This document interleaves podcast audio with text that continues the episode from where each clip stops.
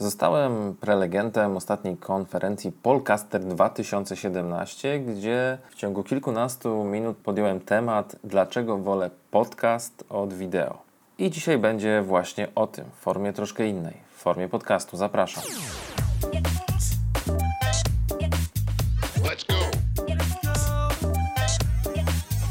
Otóż no, nie do końca jest tak, że wolę podcast od wideo, ponieważ od lat zajmuję się właśnie wideo. Natomiast, no cóż, podcast jest naprawdę świetnym narzędziem i w bardzo wielu przypadkach ma ogromną przewagę nad wideo. Dzisiaj właśnie o tym opowiem. Patrzę na to nie tyle ze środka tego zjawiska, no bo nie jestem jeszcze takim rasowym podcasterem jak y, moi koledzy z grupy Polcaster, czy w ogóle osoby z podcastami związane, ale raczej z punktu widzenia osoby, która żyje z digitalizacji wiedzy, tym się zajmuje no i widzi, że tak naprawdę czasem moda na wideo musi po prostu ustąpić potędze słowa mówionego. No więc pora na kilka argumentów na to, że podcast bardzo często sprawdza się po prostu lepiej. Sprawdza się w multitaskingu. Andrew Dodge, amerykański edukator i konsultant w dziedzinie edukacji, robi podcasty od 2005 roku, czyli od takich czasów dla nas już dosyć zamierzchłych. Trzy lata po debiucie, był rok 2008, Andrew postanowił być bardziej nowoczesny, no i postawić na wideo. Trafił na taki etap y, wstępnej rewolucji multimedialnej, tak jak teraz tak naprawdę YouTube jest must have praktycznie każdej firmy, która produkuje czy zamawia produkcję kontentu. Tak wtedy bardzo ważny był właśnie y, również ten rynek wideo. YouTube miał dopiero kilka lat. Natomiast Andrew poczuł, że tak, to jest ten właściwy moment. Od trzech lat robię podcasty. Podcasty bardzo konkretne na tematy, na przykład związane z biologią. On miał więcej tak naprawdę osób, które nazwalibyśmy y, uczniami niż słuchaczami. Mm, pora postawić na wideo. Wydawało się, że taka zmiana idąca z duchem czasu będzie po prostu korzystna. Y, zamiast tego Andrew spotkał się z falą krytyki swoich słuchaczy, którzy po prostu nie chcieli zostać widzami. Dlaczego nie chcieli? No więc podcast idealnie nadaje się do naszych czasów, gdy w zasadzie każda czynność, którą wykonujemy, wymaga skupienia pośredniego lub takiego pełnego i zaangażowania wielu zmysłów. Nie mówię tu tylko o tym, co robimy na co dzień w pracy, przy komputerze, na przykład, gdy robiąc ważne rzeczy, musimy skupić się na robocie. Nie mówię tu tylko i wyłącznie o tym, gdy prowadzimy samochód w trudnych warunkach drogowych i musimy skupić się na jeździe e, i konkretnie wykonywać czynności. Mm, ale mówię tak naprawdę o rzeczach banalnych. Gdy idziemy na spacer z psem, często musimy się skupić na tym, żeby tego psa obserwować. Nie możemy się oderwać na dłużej niż kilka chwil do naszego nie wiem, smartfona, żeby sobie sprawdzić, co tam się dzieje ciekawego na YouTubie. E, gdy zmywamy naczynia, musimy się skupić na tej banalnej czynności, ponieważ nie da się jednocześnie y, sprawdzać Facebooka i, i zmywać. Y, jest to po prostu fizycznie bardzo trudne, wręcz powiem niewykonalne. A cóż, podcasty da się słuchać. Andrew powiedział, y, wszystkie te dzienne, codzienne aktywności, które nas y, zmuszają do patrzenia, właśnie te, o których mówiłem, zmywanie naczyń, prowadzenie samochodu, wychodzenie z psem, E, zakupy, czy nawet ścinanie trawnika, e, w przypadku podcastu on idealnie wchodzi w tę przestrzeń. Można wszystko to robić jednocześnie wykonując nasze codzienne czynności. Wideo nie może być takie multifunkcyjne, nie może sprawić, że będziemy wykonywali wiele rzeczy naraz i przy okazji sobie oglądali. Podobnie z czytaniem książek na przykład, czy gazet. Nie jesteśmy w stanie jednocześnie oglądać, yy, oglądać nie wiem, wystąpienia wideo bardzo ważnego szkolenia, wykonując inne czynności, na przykład y, bardziej angażujące, na przykład pisząc jakiś ważny raport do pracy. Oczywiście niektórzy oglądają sobie TEDa jednocześnie prasując. Ja tak na przykład robię. Niemniej jednak jest to taka próba wyłapania czegoś y, kreatywnego w tym nudnym często multitaskingu. I my bardziej tego TEDa wtedy, zauważcie, słuchamy niż oglądamy. No więc słuchacze Andrew mieli swoje nawyki, słuchali podcastów pracy czy podczas wykonywania codziennych czynności. Dodanie do tego wszystkiego wideo sprawiło, że już nie mogli w ten sposób uczestniczyć w audycji. Andrew uświadomił sobie, że wielki potencjał tkwi w podcastach właśnie w odpowiednim włączeniu się w multitasking. I tak naprawdę, jak sobie spojrzymy na to z takiego bardziej historycznego punktu widzenia, to zauważcie, że jest to dokładna powtórka tego, co działo się w latach 40. i 50. w Stanach Zjednoczonych, gdy to na przykład radiu wróżono bardzo rychły upadek no, w związku z narodzinami telewizji. No bo realnie, kto chciałby słuchać radia, gdy można oglądać i słuchać jednocześnie w przypadku telewizji? No cóż, znalazło się parę osób, które jednak chciały słuchać radia właśnie z tego powodu, że radia możemy sobie słuchać w pracy i podczas wykonywania bardzo różnych czynności. Na większości audycji nie musimy się aż tak bardzo skupiać. I teraz yy, tak naprawdę, jak się przyjrzymy sytuacji, to dojdziemy do wniosku, że w dzisiejszych czasach radio ma się chyba lepiej niż telewizja. No bo telewizja jest tak naprawdę powoli unicestwiana przez usługi takie video on demand, internetowe, przed, przez Netflix. Wszystko to, co możemy oglądać w telewizji, powoli staje się dostępne w internecie. No to nie jest oczywiście żadną zbrodnią, ale zauważcie, że bardzo często w większości wypadków właścicielami e, tych treści, producentami, dystrybutorami już nie są stacje telewizyjne, które przegapiają ten swój moment, ale właśnie firmy czy producenci, którzy jeszcze parę lat temu w ogóle nie istnieli, jak na przykład Netflix. Są też przypadki, gdy stacje telewizyjne starają się otwierać swoje kanały VOD, bo widzą bardzo wyraźnie, że widzowie przechodzą do internetu, że nie ma po prostu powodu, żeby włączać telewizor, a często, tak jak w moim na przykład wypadku, telewizor jako odbiornik jest głównie nośnikiem małego komputera, który za telewizorem jest schowany, który łączy mnie bezpośrednio z internetem. I w tej sytuacji ja już nie potrzebuję dekodera z telewizją analogową czy jakąkolwiek inną. W radiu trochę nieważne, czy ono jest nadawane analogowo, tak jak w Polsce, czy cyfrowo, tak jak na przykład w Wielkiej Brytanii, czy jest to radio typowo internetowe. W dalszym ciągu radio zachowuje swój pierwotny charakter. Może mniej jest w nim e, ciekawych rozmów, a więcej muzyki, może więcej automatyzacji i nie wszystkie audycje, nie wszystkie kanały są ciekawe.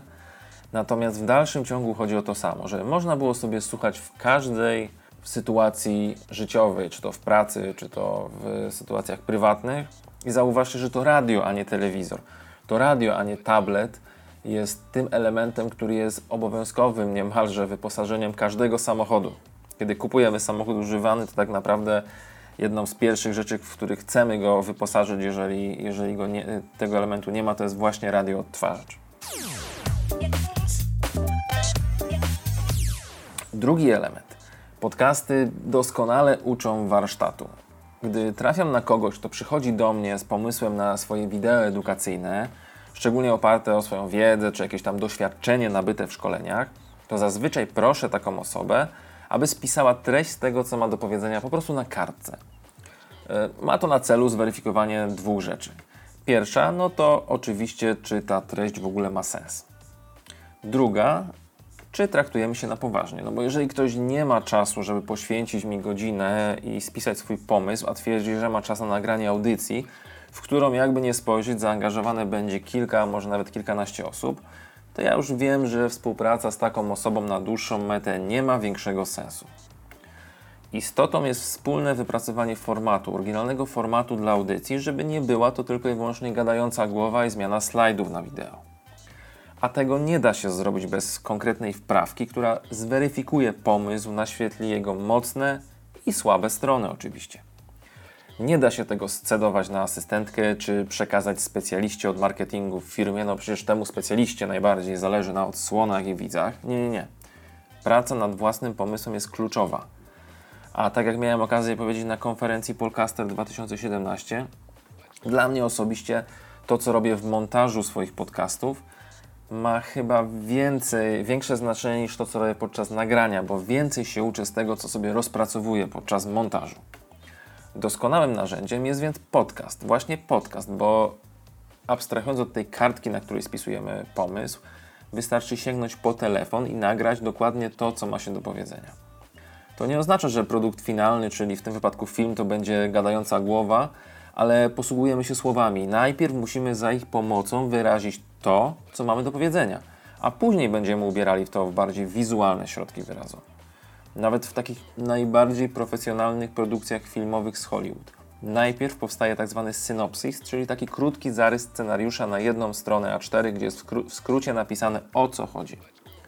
Później Na podstawie tego synopsisu powstaje treatment, taki kilkunastostronicowy skrót scenariusza, jeszcze bez dialogów, który pokazuje mniej więcej konstrukcję dramaturgiczną tego, y, tego filmu przyszłego. I dopiero od tego momentu do roboty na poważnie zabiera się scenarzysta.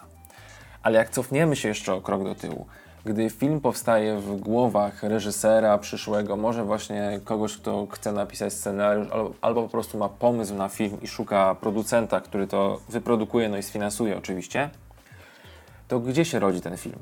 Rodzi się przy stoliku w kawiarni, w rozmowach telefonicznych, w rozmowach na Skype'ie.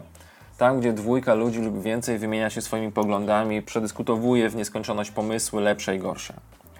I tutaj tak naprawdę stworzenie formy audio, podcastu sprawdzi się dużo, dużo lepiej e, niż wideo, ponieważ doskonale uczy warsztatu, doskonale uczy tego, jak wyrażać swoje myśli w formie słów, w taki sposób, aby przyciągać innych i zarażać ich swoją ideą.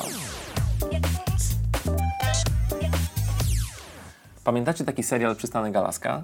Ci, którzy urodzili się w latach 80. lub wcześniej, pewnie ten serial pamiętają, bo był wielokrotnie emitowany w telewizji.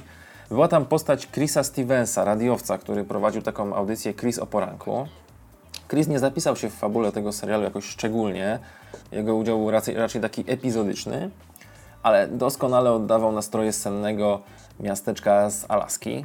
Miasteczka, w którym mieszkało kilkuset mieszkańców które było tak naprawdę jedną wielką dziurą, ale miało swoje radio, swojego Chrisa o poranku, który czytał mieszkańcom Prusta, ale także na przykład prognozy pogody. Chris świetnie puentował wydarzenia i poniekąd prowadził narrację bardzo wielu odcinków.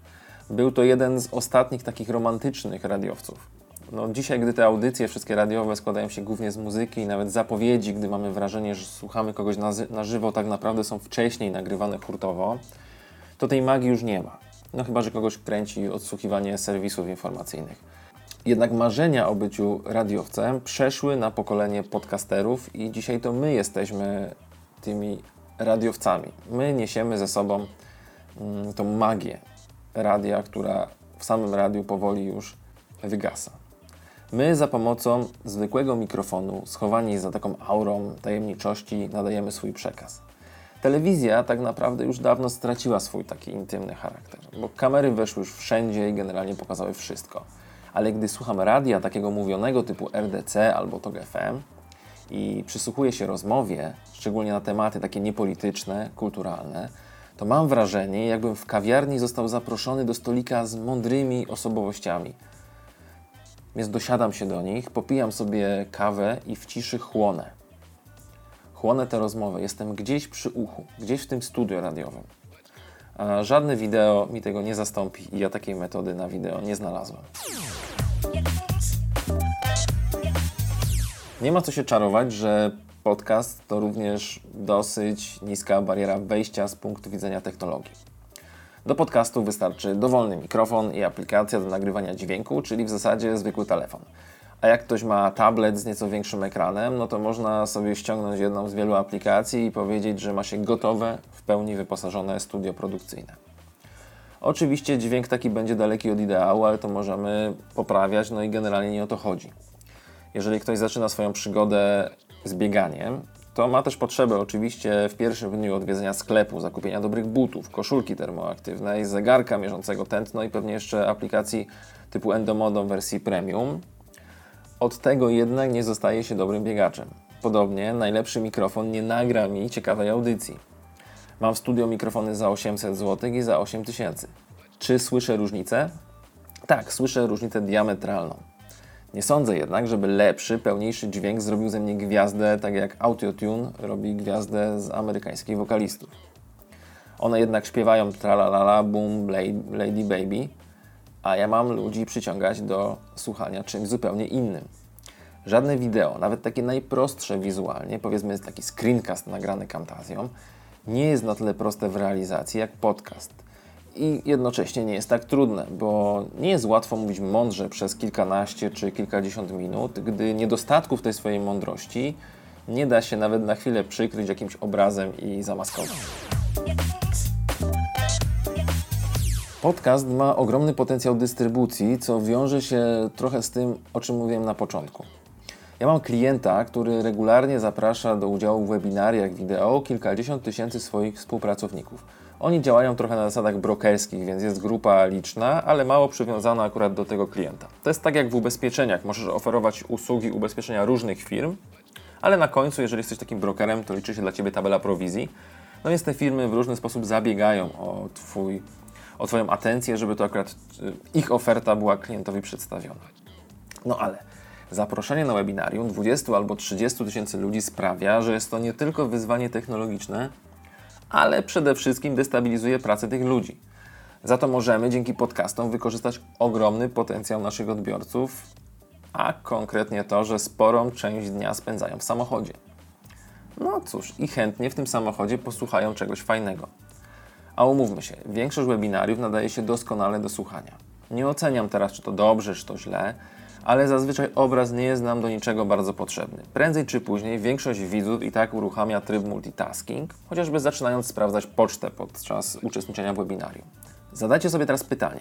Kto ma dziś godzinę czasu na to, żeby siedzieć sztywno przed komputerem i oglądać?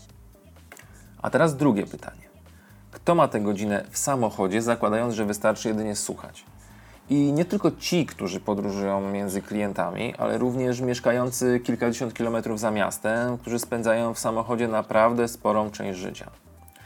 Moja koleżanka musiała zmienić abonament telefoniczny na prawie najwyższy w ofercie swojego operatora, bo dojeżdżając do pracy półtorej godziny w jedną stronę, załatwiała tyle spraw przez telefon, że po prostu nie starczało jej tych astronomicznie przyznanych darmowych minut a przecież mogłaby w tym czasie słuchać podcastu. Widzowie moich webinariów niejednokrotnie dzwonili do studia z zapytaniem, czy oni na pewno muszą brać w tym udział, ponieważ mają umówione spotkanie z klientem, czy mogliby to zrobić później, czy mogliby to zrobić w innej formie, bo mają stary komputer, nie mają dobrego internetu itd., tak itd. Tak Co jest rozwiązaniem? No cóż, właśnie podcast. Oczywiście problem jest taki, że podcasty nie mają swojego stałego, naturalnego środowiska w internecie jeszcze. Nie ma takiego YouTube'a dla podcastów. Nie jest oczywiste, gdzie podcasty umieszczamy. Jedni umieszczają na swojej stronie internetowej, inni e, w kanałach social mediowych, jeszcze inni w serwisach typu SoundCloud czy iTunes. Dlatego nie jest to takie proste, szczególnie dla osób, które nie mają iTunesa, nie mają iPhone'a czy iPada, gdzie dostęp jest w miarę nieskomplikowany. Mm, nie każdy też chce po prostu przeglądać w poszukiwaniu kolejnych odcinków blogi podcasterów. Nie są podcasty póki co dostępne na Google, przynajmniej jeśli chodzi o Polskę, no ale miejmy wszyscy nadzieję, że szybko się to zmieni. Niemniej jednak nie zmienia to faktu, że potencjał jest ogromny, ponieważ to właśnie odtwarzacz samochodowy, tak jak mówiłem wcześniej, jest jednym z najistotniejszych elementów wyposażenia każdego pojazdu. Każdy z nas ma w telefonie komórkowym odtwarzacz MP3.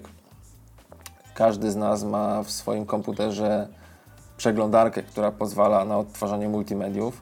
Możemy więc powiedzieć, że w tym słowie mówionym tkwi potencjał, który nie do końca jest do, do zagospodarowania przez wideo, a właśnie doskonale sprawdza się podczas słuchania. To tyle w tym odcinku. Chciałem Wam przedstawić takie pięć argumentów, które moim zdaniem sprawiają, że w konkretnych sytuacjach podcasty mogą być lepsze od wideo. I w sytuacji, gdy pracujecie nad swoimi podcastami, albo gdzieś tam Was coś próbuje zaczarować, że może warto by z tego zrobić jakąś inną formę, pamiętajcie, liczy się dostosowanie formy do potrzeb. Jeżeli macie do powiedzenia coś mądrego, jeżeli wiecie, że Wasi widzowie może niekoniecznie będą mieli czas, żeby się na wideo skupiać, a znajdą go, żeby ściągnąć odcinek Waszej audycji i tego posłuchać, to postawcie na podcast. Zawsze możecie stosować metody takich testów AB, zrobić wersję i wideo, i podcastową, ale nie w prosty, trikowy sposób. Nie zalecam po prostu nagrania materiału wideo, a później zrzucania tego jako MP3, bo nie zawsze takie materiały się dobrze słucha. Jednak to, co macie do powiedzenia głosem, musi być odpowiednio dostosowane, aby uzyskać tą intymność, o której mówiłem, co wideo niestety nam bardzo często zabiera.